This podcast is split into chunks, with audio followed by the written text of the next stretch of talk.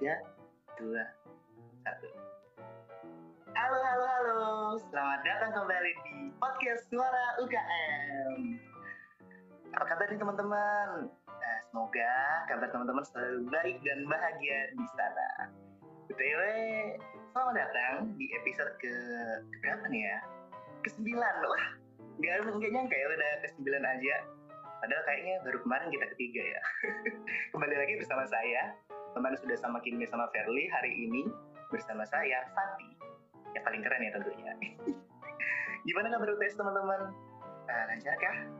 Semoga hasilnya sesuai dengan yang teman-teman harapin ya. Um, oh iya. Nah, ini nanti dikat.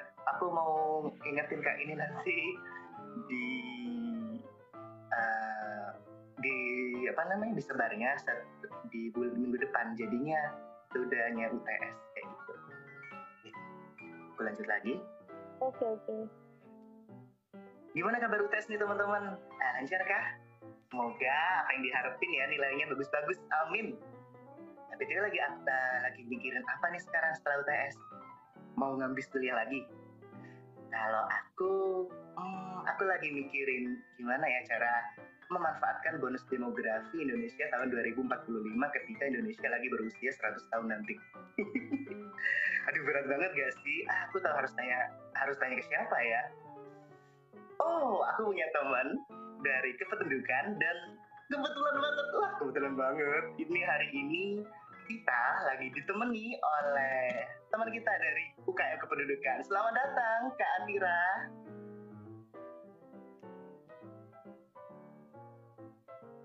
Halo semuanya, terima kasih Kak Fati. Mungkin Ya. perkenalan diri dulu ya Kak ini. Apa? Oke. Halo teman-teman, perkenalkan nama aku Atira, perwakilan dari UKM Pendidikan, aku pribadi dari Prodi Sosiologi Angkatan 2019. Salam kenal semuanya. Salam kenal Kak Atira. BTW Kak Atira ini dari mana? Mungkin teman-teman ada yang satu daerah gitu kan? Oke, aku eh, asal Surabaya. Oh asal Surabaya. Oke. Bagi teman-teman yang di Surabaya dari Visip ya Kak ya? Iya, betul dari situ. Oh, dari Visip. Bisa kenalan sama Kak Atira. Mungkin cuttingnya ya? Atau adik kelasnya. Halo Kak, Kak tingkat. ya Kak Atira apa kabar hari ini? Alhamdulillah baik ya. Eh, setelah UTS, basicnya UTS sekarang sudah bisa rada em, Oh ya Alhamdulillah. Gimana puasa? Lancar? Bolong-bolong nggak? Alhamdulillah lancar, sejauh ini masih aman.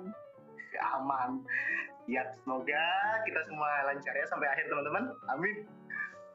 Oke, ini Kak, kita sebelum eh, aku pengen tanya-tanya tentang demografi nih Kak. Nah, kependudukan itu apa sih? Tapi sebelumnya aku kepo nih Kak tentang UKM kependudukan. Boleh nggak sih Kak tanya-tanya? Boleh banget dong. Ya, terima kasih. Oke. Eh, aku kepo nih Kak tentang UKM kependudukan. UKM eh, UKM kependudukan itu apa sih Kak? Maksudnya kegiatannya itu ngapain sih? Atau apakah mereka hanya mempelajari tentang penduduk aja dan apanya sih Kak yang dipelajari? Oke baik, sebenarnya aku ucapin terima kasih, terima kasih banyak kepada teman-teman Forkom karena sudah memfasilitasi kami UKM untuk uh, menjelaskan terkait UKM kita gitu ya. Karena uh, sejauh ini UKM pendidikan itu masih menemui pertanyaan-pertanyaan publik terkait apa sih UKM pendidikan gitu. Jadi menurut aku dengan adanya acara podcast kali ini itu sangat uh, bisa menjawab pertanyaan-pertanyaan tersebut gitu. Nah, untuk UKM Pendidikan sendiri, itu singkatan resmi dari kami, yaitu UKM KP.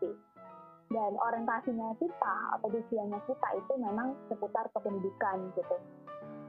Baik itu terkait isu-isu kependidikan, terus juga ada pengabdian masyarakat. Tetapi untuk pengabdian masyarakat ini kita berbeda. Ada ciri khas tersendiri antara UKM Pendidikan dengan mungkin ormawa lainnya ya kalau pengabdian masyarakatnya UKM Pendidikan itu tetap menyalurkan nilai-nilai atau value tentang kependidikan gitu. Uh, mungkin nanti bakal bahasnya dilanjut ya.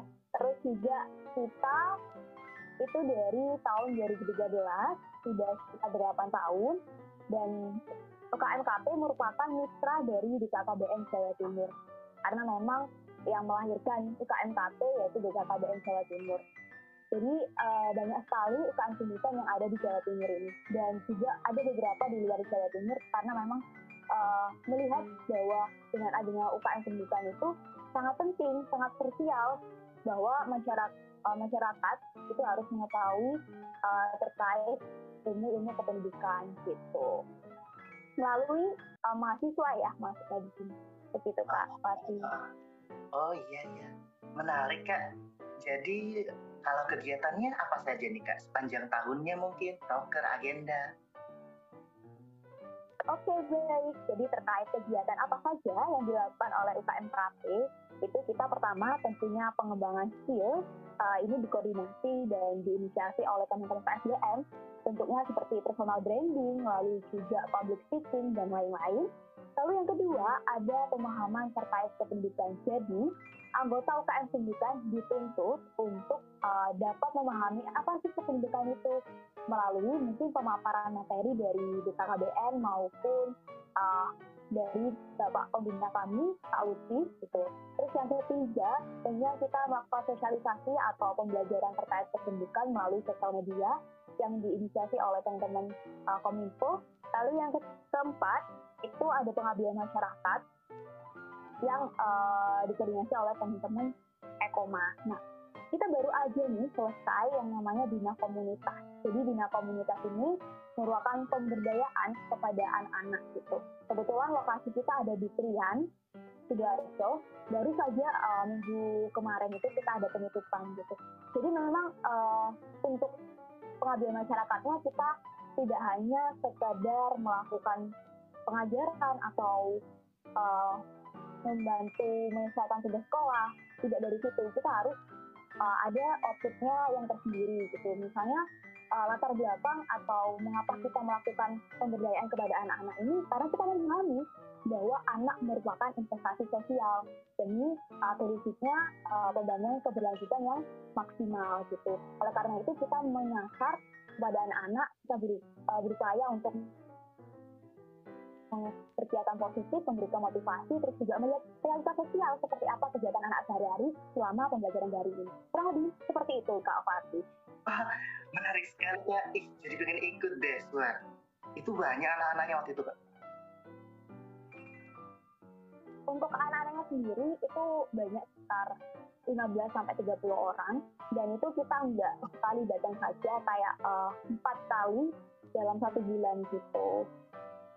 Kita juga masih ada beberapa program kerja lainnya sih kak. Misalnya ada apa itu desa binaan di Bulak Cimpat seperti itu. Jadi cukup banyak titik-titik yang kita sasar seperti itu. Wah sebulan empat kali kak iya sebulan empat kali waduh pasti asik banget nih kesibukannya dengan kependudukan yang main sama anak-anak betul oh, oh BTW aku pernah dengar nih tentang proker UKM kependudukan yang namanya apa itu ya? Airlangga Demographic Festival gitu itu apa sih kak? Nah, kalau Airlangga Demographic Festival itu merupakan acara tahunan dari kita gitu. Jadi uh, untuk satu tahun terakhir ini memang namanya menjadi akses atau Arlangga Demographic Festival. Tapi sebelumnya itu bernama Gebiar Kependudukan Arlangga. Di situ kita melakukan rangkaian acara dari perlombaan, terus juga apa namanya itu seminar, terus juga ada mungkin uh, pasar murah, terus juga bakso seperti itu. Jadi suatu rangkaian acara terkait pendidikan yang segmentasinya itu beragam. Mungkin kalau perlombaan kita segmentasi pasarnya itu uh, teman-teman SMA, teman-teman kuliah gitu ya.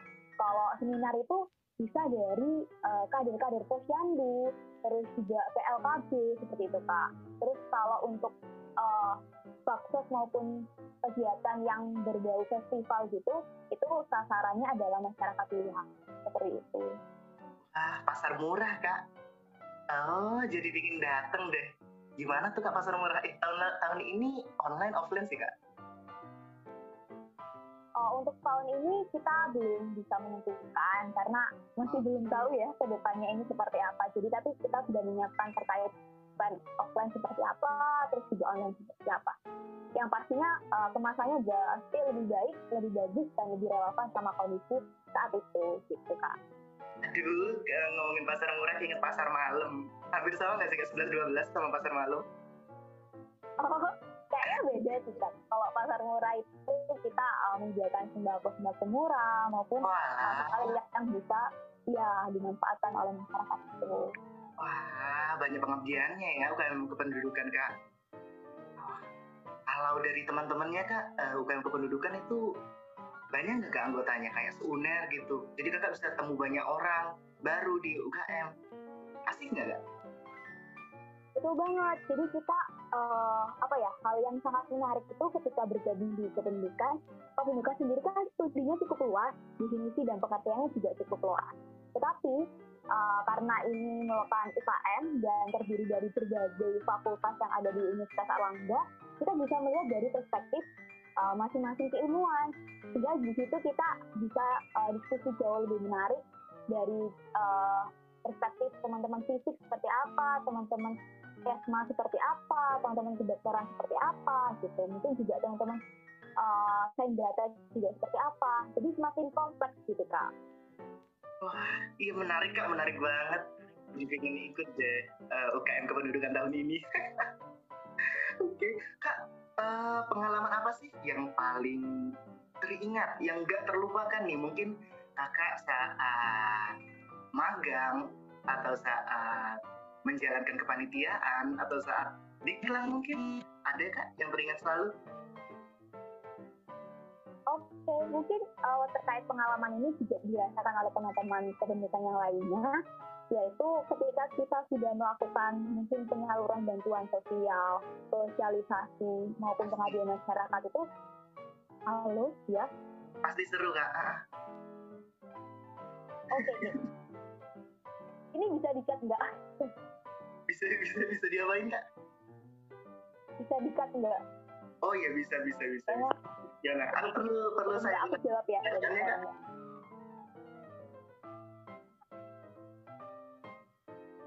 Halo, sorry, putus-putus pak. Oh iya, gimana kalau sekarang? Masih putus-putus kan? Ah, sudah, sudah. Oke, uh, gimana nih uh, Kak Tira tentang pengalaman yang paling teringat saat ada di UKM mungkin saat magang atau saat kelas oh di kelas seru nih kayaknya atau saat menjalankan kepanitiaan kak ada yang teringat terus nggak kak?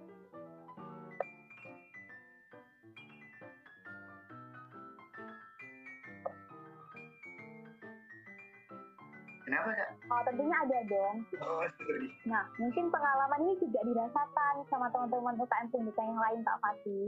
Jadi, uh, mungkin setiap kita melaksanakan penyaluran bantuan sosial, setelah melakukan pengabdian masyarakat, setelah melakukan sosialisasi, kita tuh melihat uh, masyarakat yang kita berdayakan ini tersenyum, anak-anak yang kita berdayakan itu happy. Itu bukan rasa kebahagiaan sendiri gitu loh. Bahwa kita akhirnya mampu menyalurkan uh, ilmu-ilmu yang kita dapatkan di bangku perkuliahan. Gitu. Terus selain itu juga uh, teman-teman ini juga selain mendapatkan pengalaman yang uh, istilahnya itu kebahagiaan tersendiri gitu ya kak. Selain itu juga ada pengalaman yang terkait karir di uh, beberapa tahun ke depan mungkin persiapan karir beberapa tahun ke depan misalnya teman-teman dari matematika, teman-teman dari statistik, teman-teman dari sains data itu uh, bisa belajar banyak ketika kita berkolaborasi dengan sistem dukcapil atau dinas pendidikan dan pencatatan sipil. Terus kalau dari aku pribadi, mungkin aku dari background sosiologi juga belajar banyak ketika terjun masyarakat itu lebih peka, lebih peka terhadap realitas sosial yang ada. Sehingga kalau misalnya ada terkait uh, isai maupun juga uh, kajian-kajian aku bisa uh, meriliskan antara background studi aku dengan realitas yang aku temui saat pengabdian masyarakat di UKM pendidikan gitu. Jadi banyak banget pengalaman uh, luar biasa yang kita temukan di UKM pendidikan. Wah, ternyata konteksnya nggak cuma kepanitiaan dan organisasi aja ya kak, ternyata sampai karir. Mantep nih kalau karir. bisa wisuda langsung dapat kerja nggak? Amin ya. uh, btw kak, jangankan kakak, aku aja bayanginnya saat bantuan sosial uh, inget-inget senyum-senyum dari adik-adik mungkin ya dari bapak-bapak ibu-ibu yang lagi butuh itu wah bahagia banget pastinya. Apalagi teman-teman UKM kependudukan yang langsung terjun ya. Uh, pengalaman yang nggak terlupakan sih pastinya. Betul betul betul sekali. Nah, Kak Atira kenapa sih? Kenapa teman-teman pendengar khususnya ini mungkin ada adik-adik SMA yang lagi dengerin kenapa sih harus join UKM kependudukan tadi kan mungkin sudah komprehensif sekarang singkat aja deh kak kenapa adik-adik harus join UKM kependudukan Oke, siap. Jadi kenapa sih teman-teman harus join UKM kependudukan? Karena kita menyebutnya itu paket komplit. Pertama, dapat soft skill tentunya ya. Kedua, dapat relasi. Terus juga menambah pengetahuan terkait background keilmuan masing-masing. Ketiga, kita dapat referensi karir yang luar biasa yang dan terakhir tentunya dapat pahala yang berlimpah gitu kak. Hmm, mantep paket komplit ya teman-teman. Lebih komplit dari mie goreng. Oke, terima kasih kak. Ini yang terakhir kak uh, untuk teman-teman yang ingin ngepoin tentang UKM kependudukan harus mana ya kak? Bisa banget uh, mampir ke IG kita UKM Pendidikan Unimar. Di situ bakal ada di bio ada Spotify-nya kita, terus juga ada TikTok-nya kita, ada Twitter-nya kita, ada Facebook-nya kita. Jadi teman-teman yang mau kepoin langsung aja mampir ke Instagram UKM Pendidikan UNER. Banyak info menarik dan tentunya bermanfaat buat kita semua. Ada Spotify juga? Ya. Waduh, saingannya podcast UKM nih. Ternyata dari UKM Kependudukan. Oke, oke. Bisa deh nanti uh, hostnya UKM kependudukan sharing-sharing lah sama saya kak. Oke tadi ya dicek ya, terima kasih di Instagramnya uh, UKM UKM kependudukan ya kan ya ya langsung aja DM-DM di sana ya teman-teman. Buat tanya-tanya seputar UKM kependudukan btw kalau IG-nya Kak Atira nih apa oh iya aku Gak apa deh kak. Jadi kan kalau ujinya UKM pendidikan, UKM pendidikan UNER ya. Hmm. Oke okay, siap. Kalau aku Salsabila Atira. Oke. Okay, Jangan lupa ya di follow UKM pendidikan UNER. Betul ini teman-teman. Iya. Lupa tahu. promosi. Aku lupa ngasih tahu teman-teman kak, kak. Jadi kak Atira ini uh, wakil dari wakil ketua di UKM Kependudukan Kepengurusan ini ya kan? Betul ya kak? Betul. Jadi teman-teman bisa tuh ngepoin yang mungkin nanti pengen jadi duta-duta kependudukan atau memang pengen jadi ketua UKM kependudukan, langsung ya tanya aja ke Kak Atiranya. Oke, tidak terasa nih udah ya. hmm, udah komplit pengetahuan yang disampaikan oleh Kak Atira. Terima kasih ya Kak Atira sudah berkenan join, sudah berkenan hadir jadi tamu uh, pada episode kali ini. Terima kasih banyak Kak Atira. Terima kasih juga teman-teman pendengar dan teman-teman Forkom yang sudah memfasilitasi pendidikan untuk sharing sedikit terkait pengetahuan tentang UKM pendidikan. Terima kasih banyak. Terima kasih Kak. Baik sekian teman-teman. Terima kasih sudah mendengarkan sampai akhir podcast Suara UKM episode ke-9 ini. Jangan lupa untuk selalu menantikan eh, episode-episode selanjutnya teman-teman. Sekian dari kami, dari aku khususnya. UKM Uner, semangat jadi juara. Terima kasih teman-teman. Selamat menjalani hari kalian.